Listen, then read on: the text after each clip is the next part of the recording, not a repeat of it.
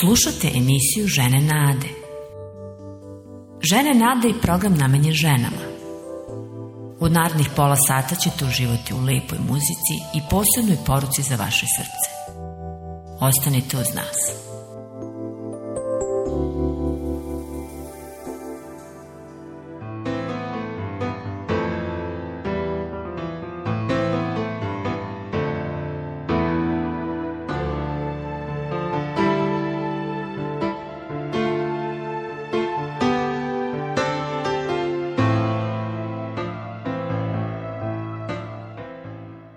Poštovani slušaoci, dobrodošli u još jednu emisiju programa Žene nade.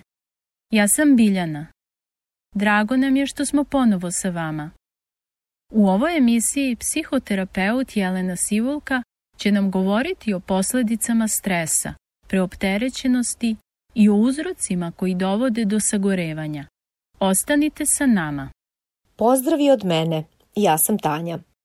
Već više emisija unazad Jelena Sivulka nam govori o nekim praktičnim lekcijama koje nam pomažu u svakodnevnom životu. Neke teme nisu takve da se o njima rado govori, ali su neophodne i preko potrebne. Razgovori o patnji, depresiji, bolesti, stresu, nerazumevanju i slično su stvari sa kojima se svako od nas pre ili kasnije susretne tokom života. Zato nam je drago što je i ovog puta – Jelena naša gošća. Pre nego što damo reč Jeleni, želimo da vas pozovemo da nas zapratite na našoj Facebook i Instagram stranici. Ako želite da nam se javite, to možete da učinite preko društvenih mreža ili da nam pišete na adresu žene nade, poštanski pregradak 37, 11060 Beograd ili na telefon 062 396 331.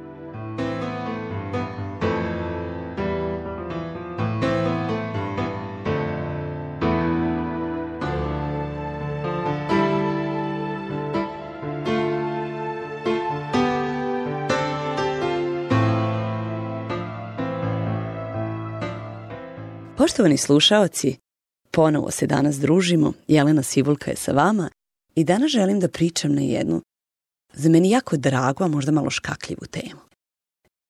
Kada ljudi postanu brojke, H.B. London je u svojoj knjizi Propovednici pod rizikom izneo poražavajuću statistiku. 80% propovednika veruje da služba negativno utiče na njihov porodičan život. 90% veruje da nisu adekvatno pripremljeni na izazove koje služba donosi. Da 80% iznosi da ne provodi dovoljno vremena sa svojim supružnicima. 52% žena propovednika veruje da služba negativno utiče na njihov brak. 45% tvrdi da je služba dovela do sagorevanja i depresije. Šta dovodi ljude do sagorevanja u službi? Šta čini da nastave da idu dalje čak i kad im telo govori suprotno? kada nemaju volje i snage da sa drugima saosećaju, kad njihova duša krene da pati. Da li to znači umreti sebi? Da li pogleda na ove ljude sa osmehom? Ili naprotiv, sa srđbom i negodovanjem? No, šta je tačno sagorevanje? Sagorevanje je stanje emotivne, mentalne i fizičke iscrpljenosti, koji se javlja kao posljedica hroničnog stresa. Dešava se kad Osjećamo se preplavljeni, emotivno iscrpljeni i kad nismo u stanju da ispunimo svakodnevno očekivanja. Kako se stres nastavlja, osobe prestaju da osjećaju motivaciju i gube interesovanje za određene uloge koje su u početku bile motivisane. Koja je to razlika između stresa i sagorevanja? Razlika između stresa i sagorevanja je stepen, što znači Što ranije primetite simptome, veća je šansa da izbegnete sagorevanje. Naše telo i um će vam dati znake upozorenja. Drugim rečima, stres je jedan malo veći grad, naseljen sa puno, puno stanovnika na putu ka sagorevanju. A kada dođete već u grad sagorevanje, jedva da ima tamo ljudi, jedva da ima stanovnika. Koji su to simptomi jednog, a koji drugog? Stres karakteriše prezauzetost. Emocije su prenaglašene. Proizvodi ga urgentnost i hitnost. Osjećate gubitak energije. Stres vodi ka anksioznim poremećima. Osnovna šteta je vaše fizičko telo se umori i iscrpi i može vas u, sva, u najgoroj varijanti i prerano ubiti. A koje su to znaci i karakteristike sagorevanja? karakterišu ga povlačenje, emocije postanu tupe, rezultira bespomoćnošću i beznađem, gubitkom motivacije, ideala i nade, vodi ka depresiji i poremećima povlačenja, osnovna šteta je emotivna, a čini da život ne bude vredan življenja, da se osjećate u stvari da život nije vredan življenja. Nemaju sagorevanje i ne sagorevaju samo ljudi koji su u službi. Međutim, danas i ovde ja govorim o njima. I posebno znači dajem onima koji sa gore služeći Hristu. Koji su to fizički simptomi sagorevanja? Umor, gubitak energije, iscrpljenost, rizičnost za opšte zdravlje, bolovi u grudima, gubitak daha, srčane aritmije, gastritis. Poremećeni su apetit, san, U početku je povećan apetit, a kasnije smanjen. Insomnija, teškoće umirivanja, teškoće ulazak u san. Kognitivni problemi, zaboravnost, otežana koncentracija, a kasnije teškoće pri funkcionisanju uopšte na poslu. Emotivni problemi, ocepljivanje, osjećaj nepovezanosti u odnosu na okolinu, cinizam, gubitak zadovoljstva, pesimizam, izolacija, frustracija, nemoć, nesigurnost, anksioznost, bes, iratibilnost, agresivnost, ponašanje, izolovanost, povučenost povlačenje od odgovornosti, korišćenje substanci, prokrastinacija, odlaganje. Mnogo duže vremena vam treba da se obave jednostavne radnje. Interpersonalni problemi i življavanje na drugima pre nego što dođem do onih lepših vesti. Navešću još koji su to neki od uzročnika sagorevanja. Uzročnici su nekad vezani za samo službu. Osjećaj da ima radnika jako malo, a da je žetva velika i da je žetva spremna. Osjećaj da imate jako malo ili uopšte da nemate kontrole na poslu, da drugi ne priznaju i ne prepoznaju vašu ulogu i značaj. Nejasna i preterana očekivanja, haotično i stresno okruženje, urgentnost koja se javlja kod vernika, jer šta ako vi ništa ne uradite? Ljudi će otići u pakao. Koji su tu uzroci vezani za životni stil? Rad bez odmora i socijalizacije, nedostatak bliskih prijatelja i podrške, previše odgovornosti, nedovoljno sna. I opet postoji određen tip ličnosti koji je više sklon sagorevanju. To su osobe sa tendencijom perfekcionizma. Nikad ništa nije dovoljno dobro. Niko drugi ne zna to da uradi tako dobro. Osobe sa pesimističkim pogledom na svet. Potreba da se budu u kontroli, nedovoljno delegiranje, velika očekivanja. Charles Spurgeon je rekao, anksioznost te ne uklanja brigu od sutrašnjeg dana, ne uklanja snagu za današnji dan.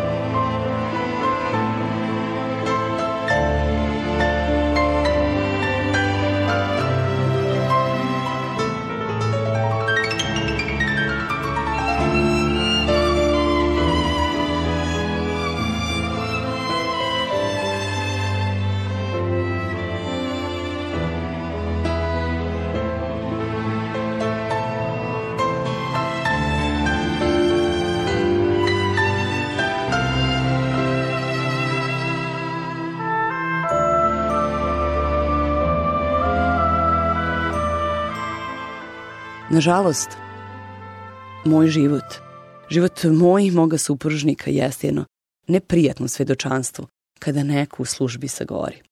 I pre više od pa, jedno 5-6 godina napisala sam jedan članak i danas ću vam pročitati odeljke iz tog članka. Članak sam napisala kada sam shvatila šta se desilo i šta se dešava sa mnom i sa mojim mužem. Dozvolit ću sebi da budem veoma otvorena sa svima vama, navela sam sa nadom da moje iskustvo i moji razgovori sa Bogom, moje beznađe, bude vama na nauki korist. Neko bi pomislio da ako ništa drugo, onda moje profesionalno iskustvo i koliko toliko moje poznavanje materije, u nekoliko navrata sam i govorila i pisala na temu sagorevanja, bi mi pomoglo da prepoznam isto u mom životu. Ali nažalost nije. Gotovo 20 godina službe, neizbežne crkvene politike, promena, porodičnih kriza na kraju su uzeli svoj danak. Čini se da je počelo neprimetno, od problema sa spavanjem, manjih zdravstvenih problema kojih nikako da se rešimo, stresa koji se samo gomilao, donoseći sa sobom oblak brige, male stvari koje su počele neizberno da mi iritiraju, dok je potreba da se izolujem od ostatka sveta počela sve više, da zaokuplja moje misli i postala moj osnovni cilj nisam prepoznala lice depresije, jer tako nešto meni se ne može desiti. A zatim je došao cinizam sa svojom svitom, ironijom i crnim humorom.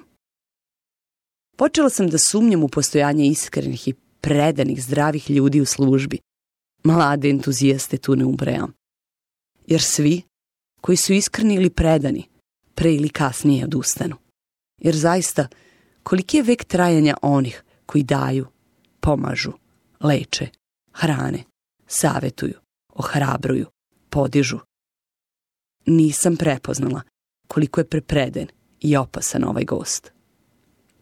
Tek kada sam se sa porodicom preselila na drugi kraj sveta i po prvi put se ogradila od aktivne službe, mogla sam da vidim u čemu sam se ja nalazila.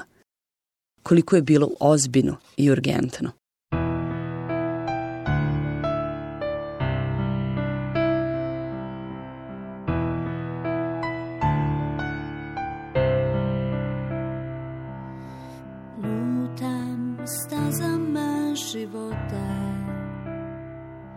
svakim korakom gubi se ljepota Iza mene je mnoštvo grešaka I sada stojim tu i tražim oproštaj Šta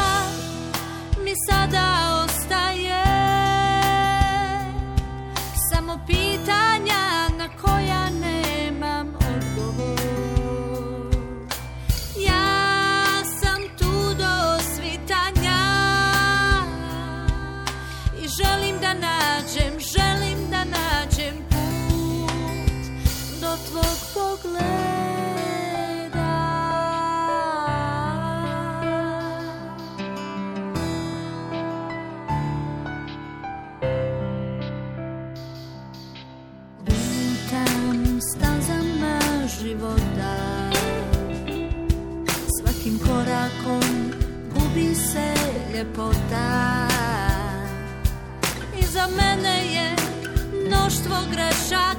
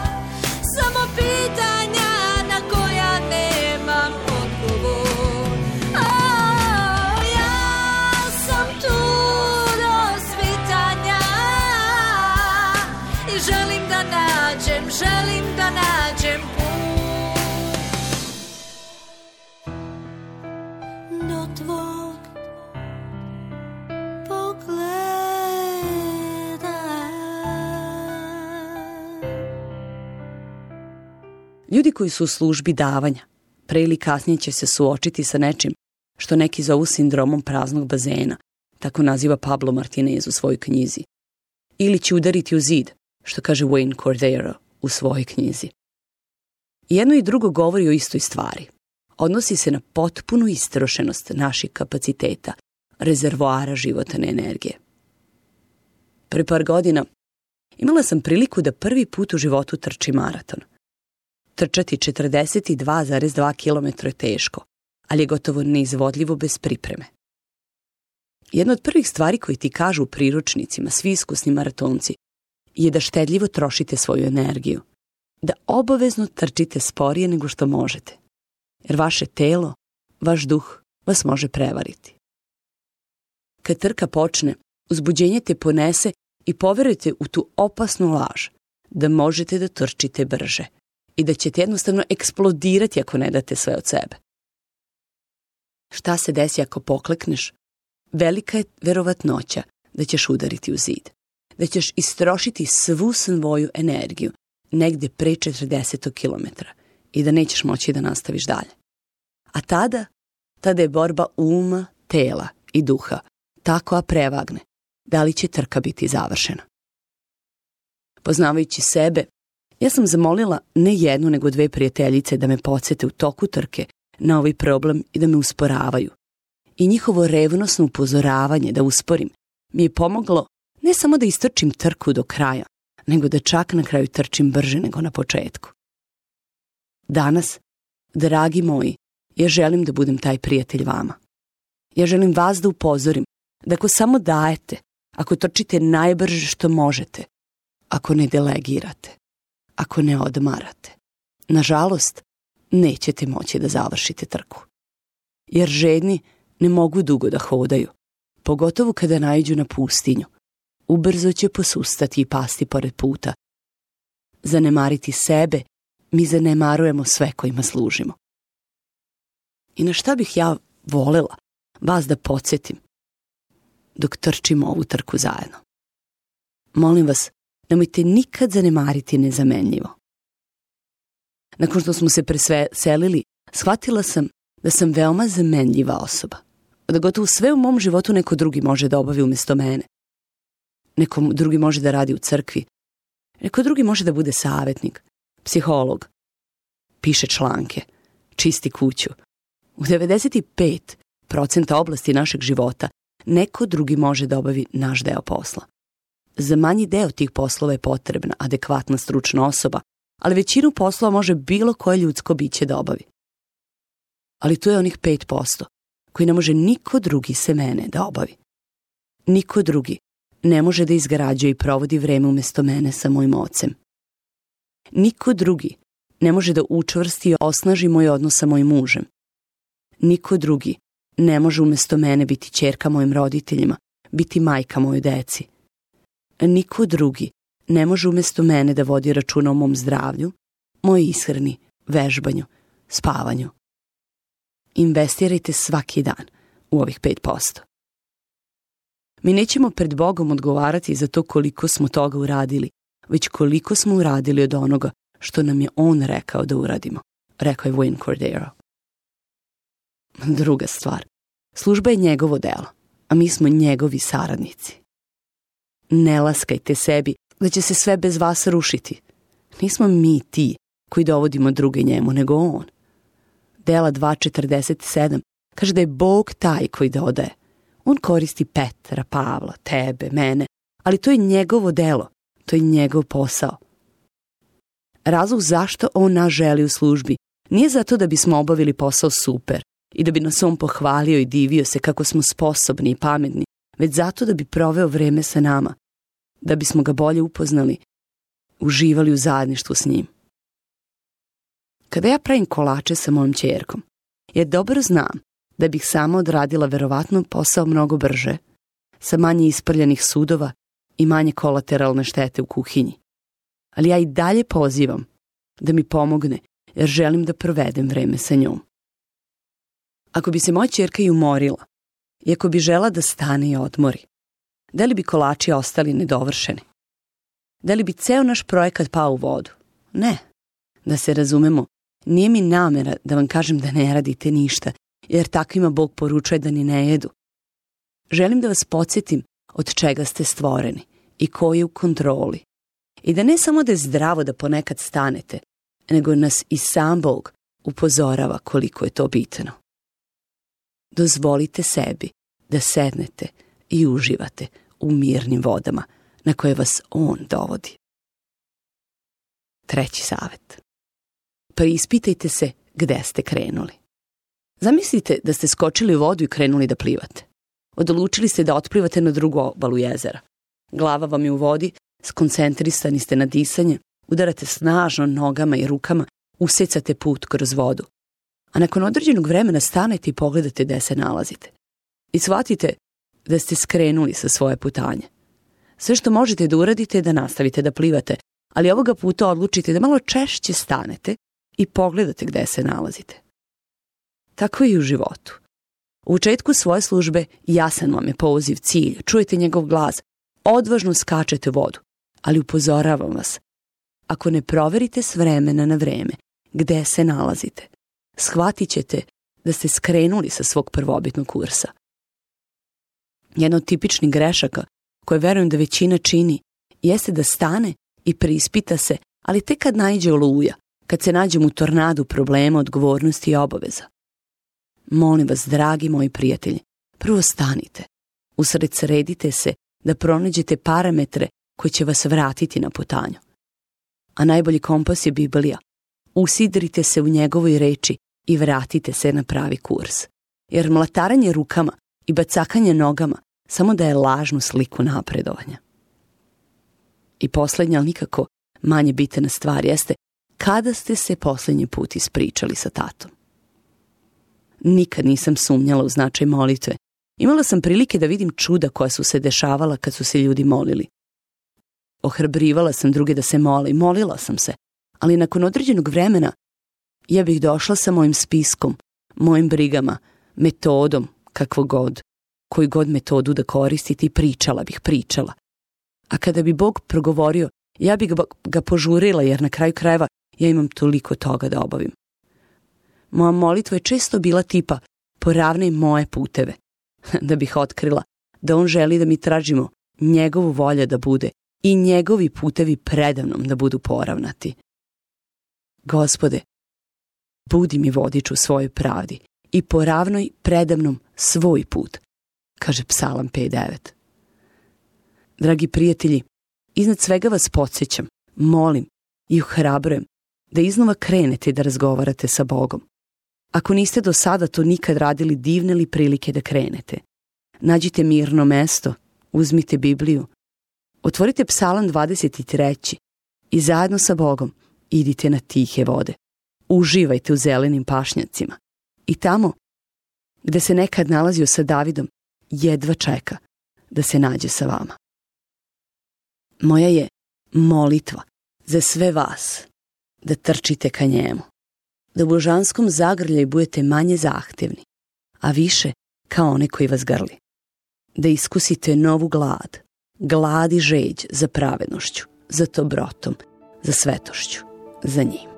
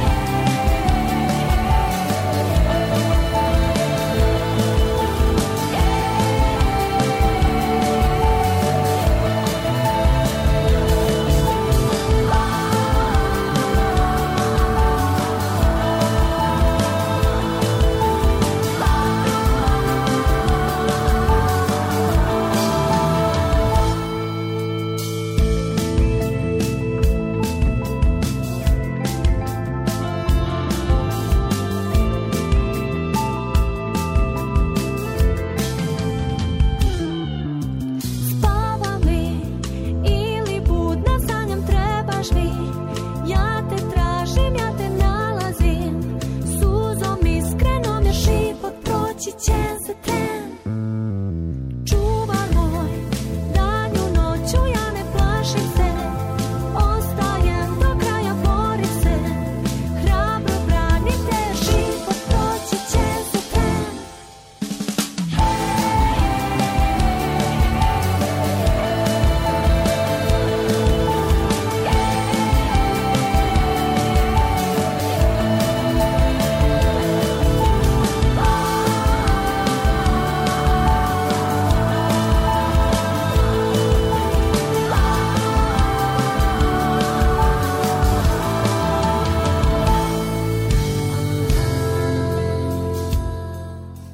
Draga Jelena, hvala ti što si i ove nedelje bila naša gošća.